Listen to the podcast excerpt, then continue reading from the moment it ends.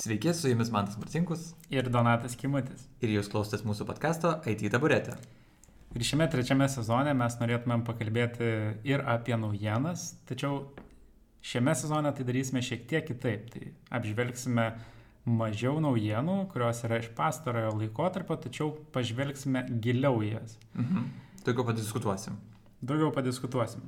Tai turbūt galime ir pradėti iš karto nuo pirmosios naujienos, kuri yra iš Boeingo kompanijos. E, Kaip buvo pranešta, kad Boeing 747 lėktuvai turi būti pilnai išjungti iš elektros, iš viso maitinimo ir įjungti iš naujo, nerečiau kaip kas 51 dieną. Nu ir jeigu kažkas e, pamirštų perkrauti iš esmės kom, e, kompiuterį, lė- lėktuvą. Tai kas nutiktų, tai kad pilotai pradėtų matyti neteisingus duomenis savo skydeliuose. Ir e, ką rodytų neteisingai? Tai lėktuvo greitį, aukštį, variklio duomenis. Iš esmės pačius pagrindinius dalykus, Aha. kurie e, yra atsakingi už e, nenukritimą. A, tame pačiame straipsnėje buvo ir kelių pilotų komentarai, kad iš esmės tai būtų labai blogai. Žinoma, ten yra ir pagalbinių dalykų, kurie e, rodo ir leidžia susigaudyti, tačiau nu, tai tikrai būtų labai blogai. Ir kodėl taip nutinka? Tai nutinka, nes viena iš Boeing sistemų e, priežastys šiaip nėra paaiškintos e, straipsnėje, taip ir net yra įvardinta, kad Boeingas nepateikė paaiškinimo, kodėl taip yra.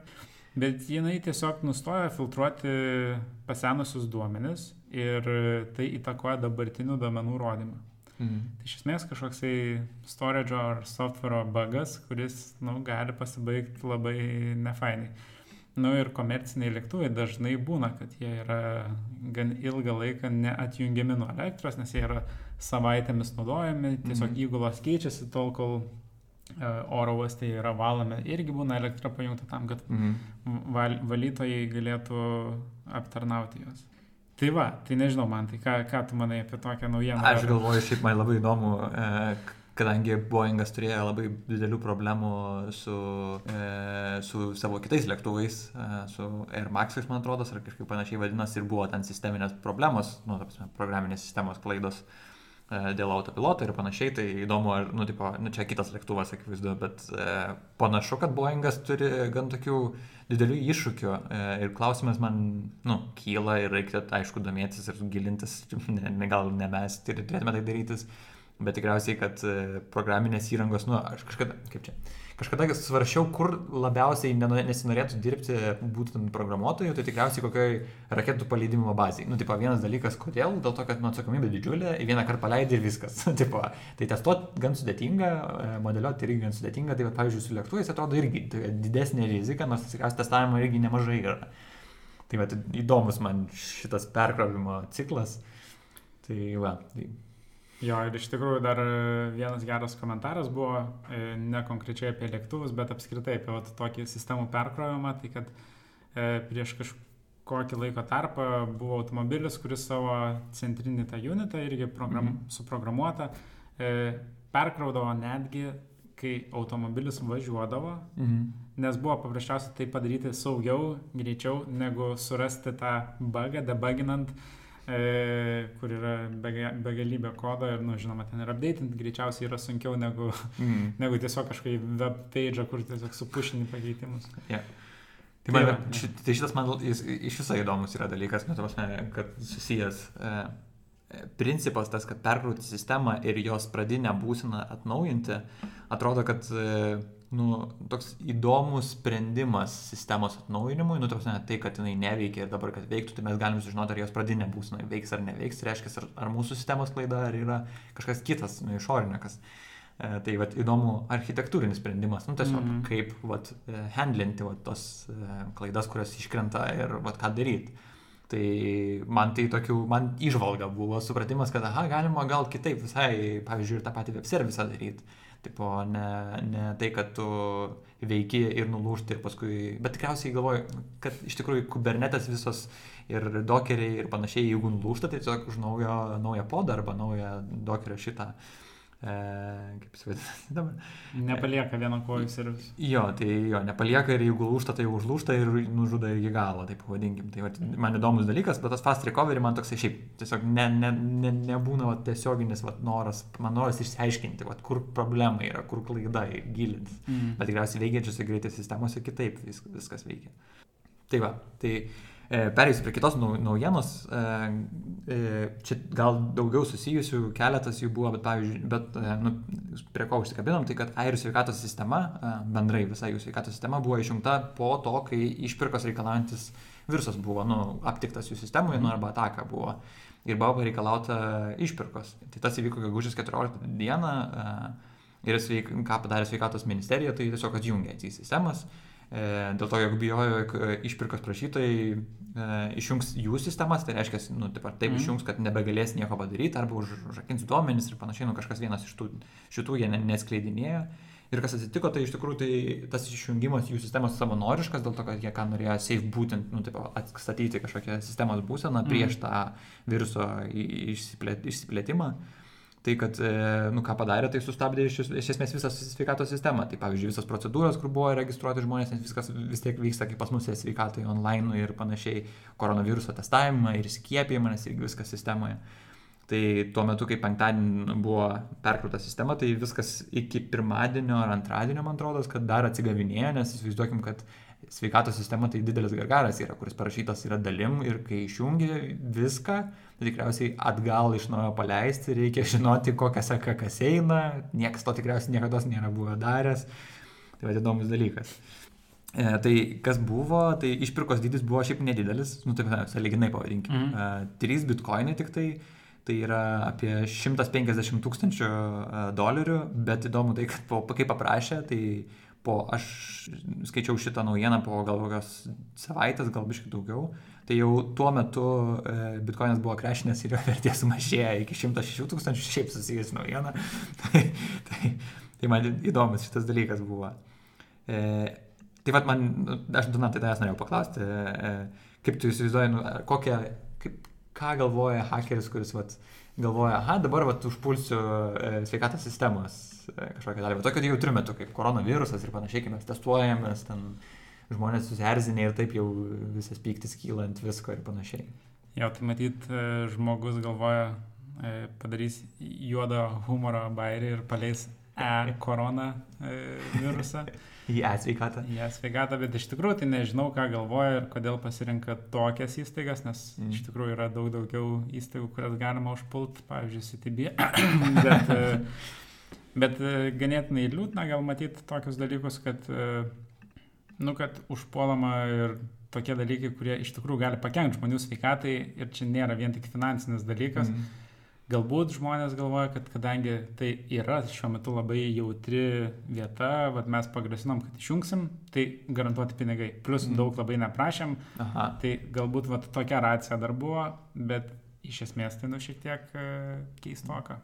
Šiaip tai nebejotinai, aš kiek skaičiau komentarų, tai ta maža suma, tai rodo tik tai tiek, kad nereikia daug biurokratijos įtraukti, kad sumokėti sumą kažkokią, nu jeigu kalbėsime apie milijoną du, tai jau reiškia, reikia tikrai jau atsikatos ministerijos ir panašiai, mm. o čia gali būti kažkoks padalinys, gali sakyti, nu IT sakyti, nu tiek to, sumokam ir tą tyliai padaryti ir panašiai. Tai Iš savo biudžeto, ne? Jo. Nu jo.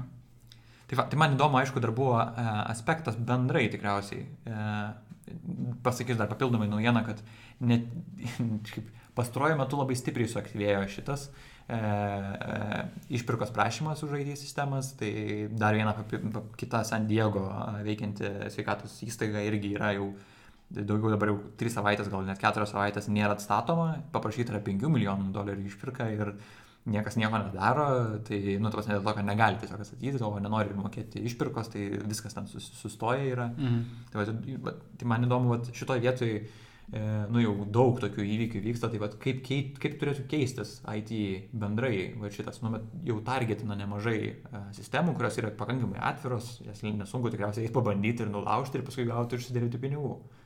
Ką tu galvoji? Nežinau, čia turbūt dar vienas iš tokių dalykų, kad dažniausiai tas e-sveikatos visokias sistemas daro viešųjų pirkimų Aha. įmonės, kurios iš tikrųjų E, daro, užsidirba pinigus, galbūt nepadaro iki tų standartų, kuriuos galima būtų pasiekti. Tai čia turbūt vienas iš tų dalykų mm. negerų. Kitas dalykas, tai nežinau, na, investuoti į security tiesiog. Jo, tai toks loginis liktis ir turėtų būti aišku, bet kai mes kalbam, Lietuvoje labai akivaizdu yra, kai, kai pigesnis projektas laimi, tai dažniausiai sistemos saugumas yra užtikrinamas kažko tai. Taip. Turėtų būti. Jo. Na ir bendras šiaip dar, dar vienas gal pastebėjimas, tai kad e, keletas straipsnių radau, kaip e, kompanijos iš tikrųjų priešingai daro, jos neinvestuoja į saugumą, bet investuoja į draudimą. Pavyzdžiui, buvo pavyzdys, kur apsidraudė 15 milijonų ir reikėjo tik tai 5 milijonus sumokėti šitam. Tai draudimo kompanija dengia tą, net ir didesnę sumą būtų galėjus dengti. Tai labai įdomu. Tai net tiem patiem uh, hakeriam, tai jiems gali pasižiūrėti, kas sudarė sutartis, žinoti iš kažkur tai, kad yra sudaryta sutartis, žinos, kad lengvai išsisukinės taip, nes tiesiog tai yra... Vat, o rizite scam? O gali būti ir scam. tai va. Gerai, tai tada e, galime pereiti prie kitos naujienos, kuri e, mano akį patraukė dėl labai įdomaus e, įdomios antraštės ir tai nėra naujiena, kuri išėjo būtent e, per pastarąjį mėnesį, bet tiesiog jinai buvo papublikuota pastarąjį mėnesį vieno iš blogerių. Ir antraštė sako, tai Facebook reklamos, kurios, Facebook reklama, kurios niekada nepamatysi.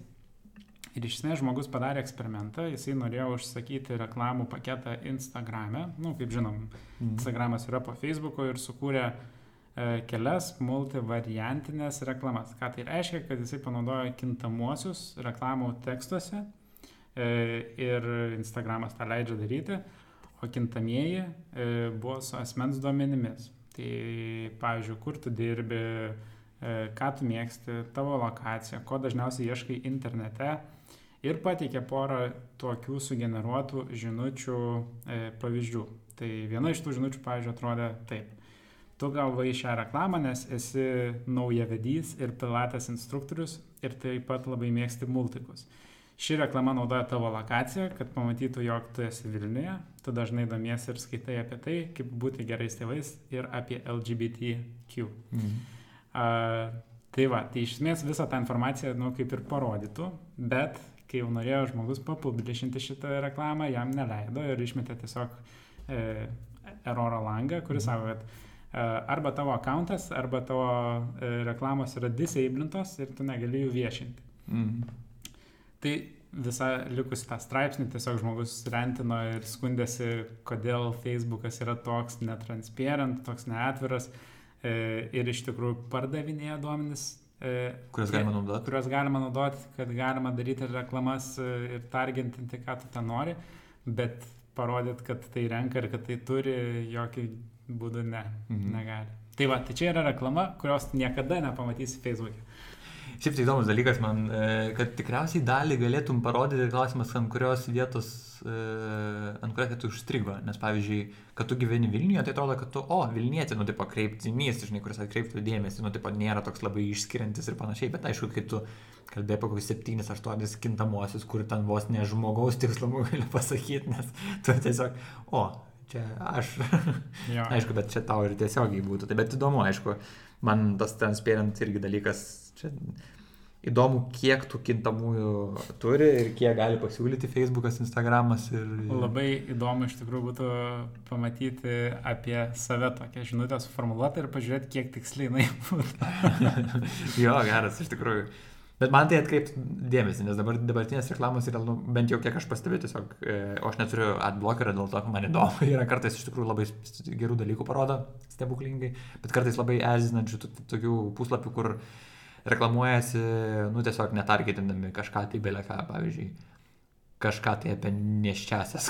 aš esu visiškai ne ta demografija, nu tiesiog, ne aš, ne man ir panašiai. Numatyt kažką buvai atsidaręs, paguglinti. Aš spekuliuoju, kad nelabai, ne nes kitos reklamos tiesiog žiūri, kas ten toliau yra viena šalia kitos reklamos sudėtos, jūs daug, daug jų būna ir jos visiškai nesusijęs, čia tiesiog pavyzdys. Tai, Tai va, įdomu, kad iš tikrųjų labai tiksliai galima nutarginti, pagal tai, kaip tu išvardinai ir panašiai, mm. kaip tikriausiai galima labai tiksliai pasakyti, va, kad tu. Uh, tau yra šitas aktualus dalykas. Tai gal ir naudinga iš tikrųjų, kai esi verslo plėtotojas ir tau reikia labai specifinės demografijos, programuotoją, kuris dirba startupę ir žino kažkokius e, specifinius domenų tos ir žiūrėk, čia konsultacija ir panašiai mokama. Net tai jeigu tu esi žmogus, kuris publikuoja reklamą. Tai tai labai naudinga. Jo, tai sakau, tai va, iš tos pusės tu gali targetinti labai tiksliai, ko tau reikia. Jo, tai faktas. Tai va, tai jo, bet ne, galvoju, kad nėra toksai, kadangi targetini labai platų spektrą, tai gali būti, kad pataikysi nemažai, nu šiaip tai galvojant apie reklamas, mm. bet to pačiu tiksliai nepanaudosi, nu labai labai tiksliai. Tai reikės išbandyti su IT taburetę. Gerai, tai perkim prie kitos temos. E, Google'as e, paskaičiavo, e, kiek pinigų sutaupė per metus dėl to, kad žmonės dirbo iš namų. Nu ir suma šiaip. Google žmonės. Taip. Google žmonės, mhm. taip. Tai bet įdomu, Google'as jo kartais galima pasakyti, kad liktais įskaičiavo kažką, tai nes tyrimą darė, bet čia iš tikrųjų tiesiog savo. Alfabeto dėvinio kompanija iš tikrųjų, bet taip tiksliai, tiksliai. E, tai paskaičiavo, kad dėl COVID, nu, su COVID susijusios išlaidos sumažėjo 268 milijonais dolerių, tai čia yra priežastis, tai yra, kad nekeliavo niekur, e, nereikėjo nieko perkelinėti iš vienos šalies mm. dalies į kitą, nu, kai samdai, o užtenka pasakyti, nu, tai tu gyven, kur gyveni, mums tai tinka. E, vakarėlių jokių nereikėjo, tai bendrai tai visa suma, kurią paskui suskaičiavo bendrai, nu, ne, ne tik tai vat, tiesiogiai su COVID, bet tiesiog vat, kažkur tai nereikėjo mokėti reklamai, nereikėjo kažkokių renginių rengti ir panašiai, tai sutaupė 1,4 e, milijardo dolerių. E, tai va, tokių dalykų atsisakė kaip e, vakarėliai įmonių, nu, tai pasme įmonių, tai Google, Taip. bet kažkokių saitų ir panašiai. Tai va, aišku, man įdomu padiskutuoti apie tai, kad nu, mes jau matom, kad efektas didžiulis, įmonės daug daug taupo. Tai klausimas, ar nėra taip, kad įmonėm verta yra turėti vat, kažkokį vat, hybridinį arba gal net ir visiškai remotinį, vat, daugumą įmonių gal net perės. Tai man įdomu, tavo donatai, nu, kaip čia vystysis toliau. Tai aš manau, kad tikrai perės prie hybridinio modelio didžioji dauguma įmonių IT. Mhm. Aš nežinau, ar jisai išliks ilgai toksai, reikia pasižiūrėti, kaip viskas veiks mhm. po karantino. Nes yra vienas dalykas, kai visi dirba remotu, tai yra mhm. nuotoliniu būdu. Ir kitas dalykas, kai dalis žmonių taip, dalis žmonių taip. Ir nėra kažkur didžiosios daugumos. E, mhm. Arba kaip tik į ofisą gal didžioji dauguma. Tada labai pasidaro e, sudėtinga e, sklaidyti teisingą informaciją, nes nu, gali kažkurioje vietoje užsilikti ir priimti sprendimus vieni žmonės, bet nepasitarę su kitais, nes tiesiog nebuvo kartu. Kai visi dirba remote, tai tai yra labai paprasta, nes nu, nori, nenori, tiesiog visus įtraukia. Mhm. E, o šiaip tai, jo, nežinau, iš darbuotojo perspektyvos tas hybridinis modelis, man atrodo, nėra gal blogas. Tu turi pasirinkimą, ar tu nori eiti į ofisą, ar nenori. Ir, jo. Aš galvoju, o kaip hybridinį tą modelį įsivaizduojant, pavyzdžiui, man tai kyla mintis, nu dabar galvojam, kad, aha, ne visa, kaip minėjai, ne visa komanda E, dirba, bet, pavyzdžiui, gal tada būtų verta tas komandas e, performuoti ir daryti, pavyzdžiui, visiškai remotinės komandas. Nes mes tai esam dirbę tokioje situacijoje, kai nu, mes turėjom vieną komandą e, vienam visiškai tai saitė, nu, tos, mm. Danijai, pavyzdžiui, ir buvo vat, įdomus modelis, kad mes vis tiek turėjom dalinti tą informaciją pirminę, gal bent jau aš tai turėjau. E, tu irgi turėjai e, patirties šitą, šitame, tai bet įdomu, ar nebus, vat, kad mes kažkaip tai vat, pakeisim šitą. Tai Gali būti. Turbūt dabar prasidės visoks eksperimentavimo laikas. Mhm. Ir, bet to, žinai, viena komanda remote, pilnai kita ne. Irgi matyti yra tų iššūkių, nu, kaip pasišėlinta informacija, nes, nu, tos komandos, kurios dirba ofise, norės turbūt pasidaryti kažkokias tradicijas savo, gal kažkokius susitikimus, kur visi susirenka, mhm. o ten vat, vieną komandą reikia pajungti per e, kažkokią, per mhm. Zoomą ar Hangoutus ar kažką. Nu ir ne fine tam tada mhm. iškart. Bet manau, kad tikrai dabar, nu, čia ir šiaip yra labai turbūt dabar jau nebėra nauja, bet plati visa ta tema ir e, namų ofisas ir šiaip va, toks minimalus ofisas, kaip pasidaryti į darbą, tą visą ergonomiją ir darbas iš namų ir va, tas miksuotas darbas, nu, dabar visą, aš žinau, kad net žmonės mokslinius darbus apie tai rašo. Mhm. Ne, nu, mhm. Nauja sritis, sakykime. Taip ir mano kursinė tema yra e, lyderystė nuotolinė.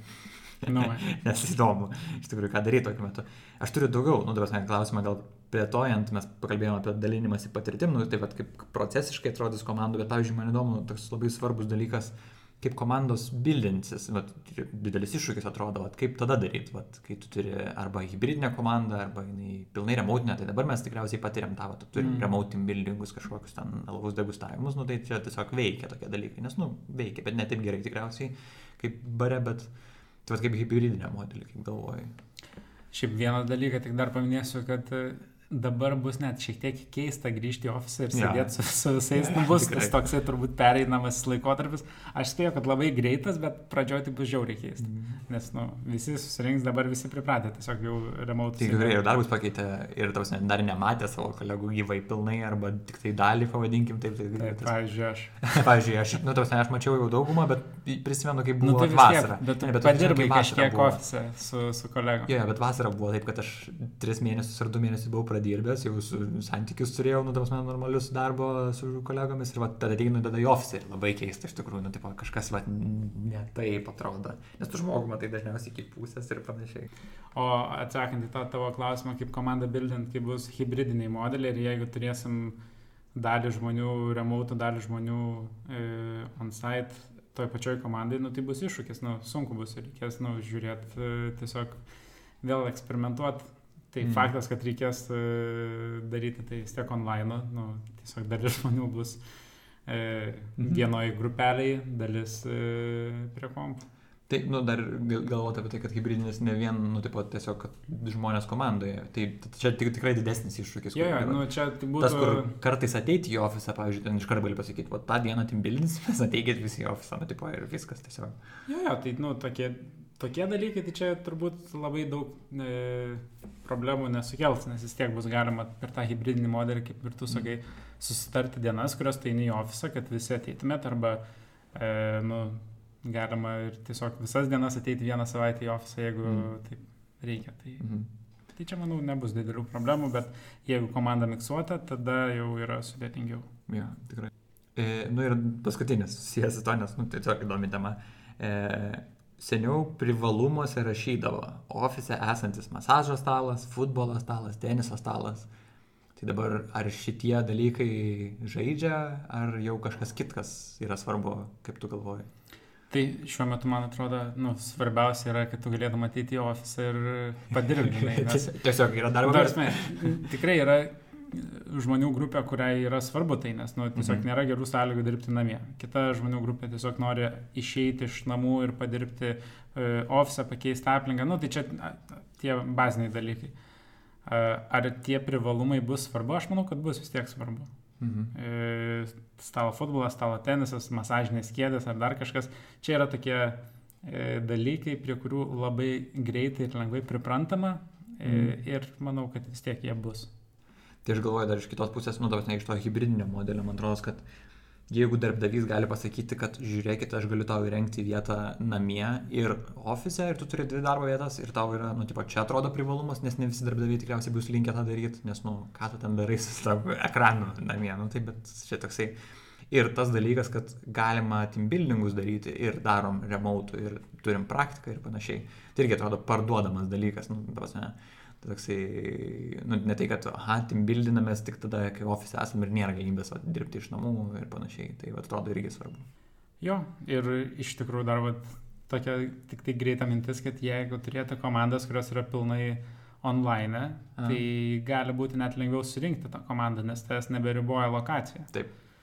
Tai jeigu stipriai reikia žmonių ir daug reikia žmonių, tai turbūt čia vienas iš privalumų irgi tada. Mm. Gerai, tai E, eikime prie sekančios naujienos, kuri bus iš tikrųjų gan trumpa, e, bet e, visai įdomi. Tai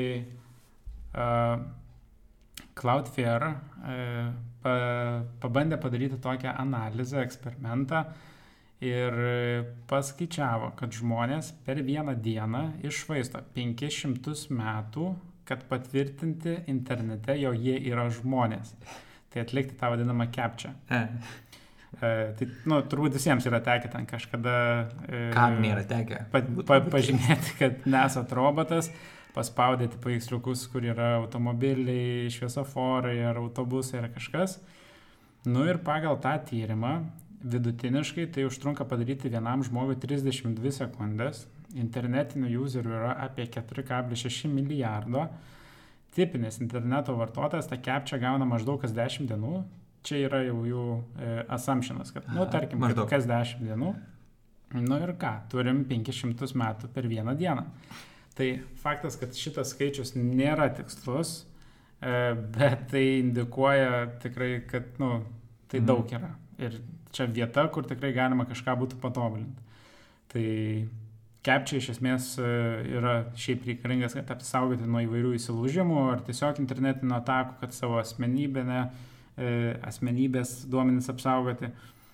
E, bet tai kainuoja ne tik patiems useriams, pavyzdžiui, kaip tau ir man, kad savo laiką gaištam suvedinėti, bet ir įmonėms, kuriuoms reikia palaikyti, suportiketus spręsti ir nu, Mhm. visur, visose vietose čia ir pinigai, ir laikas. Tai Cloudflare e, nori pradėti krūtinti šitą reikalą, kadangi nu, tai buvo padaryta prieš, dabar nebeatsimenu, bet daug metų.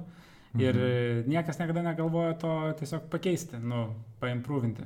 Tai, tai jie pa, dabar padarė tokį beta versiją kriptografinį žmogiškumo atestavimą. Tai jie panaudoti arba. USB stiką, arba NFC e, kortelę. E, ir e, kuri aprūvina, e, kad tu esi žmogus, taip pat galima aišku naudoti ir biometrinius duomenis, Mhm. tačiau jie to neturi dar pasidarę. Tai pagal juos tai sumažina laiką drastiškai, netgi iki 5 sekundžių. E, nu, bet čia turbūt galima labai ginčytis, kad tu turi susirasti tą kortelę ir patepinti su Mhm. NFC arba stiką įsikišti. Tai matytas sprendimas nėra dar geras.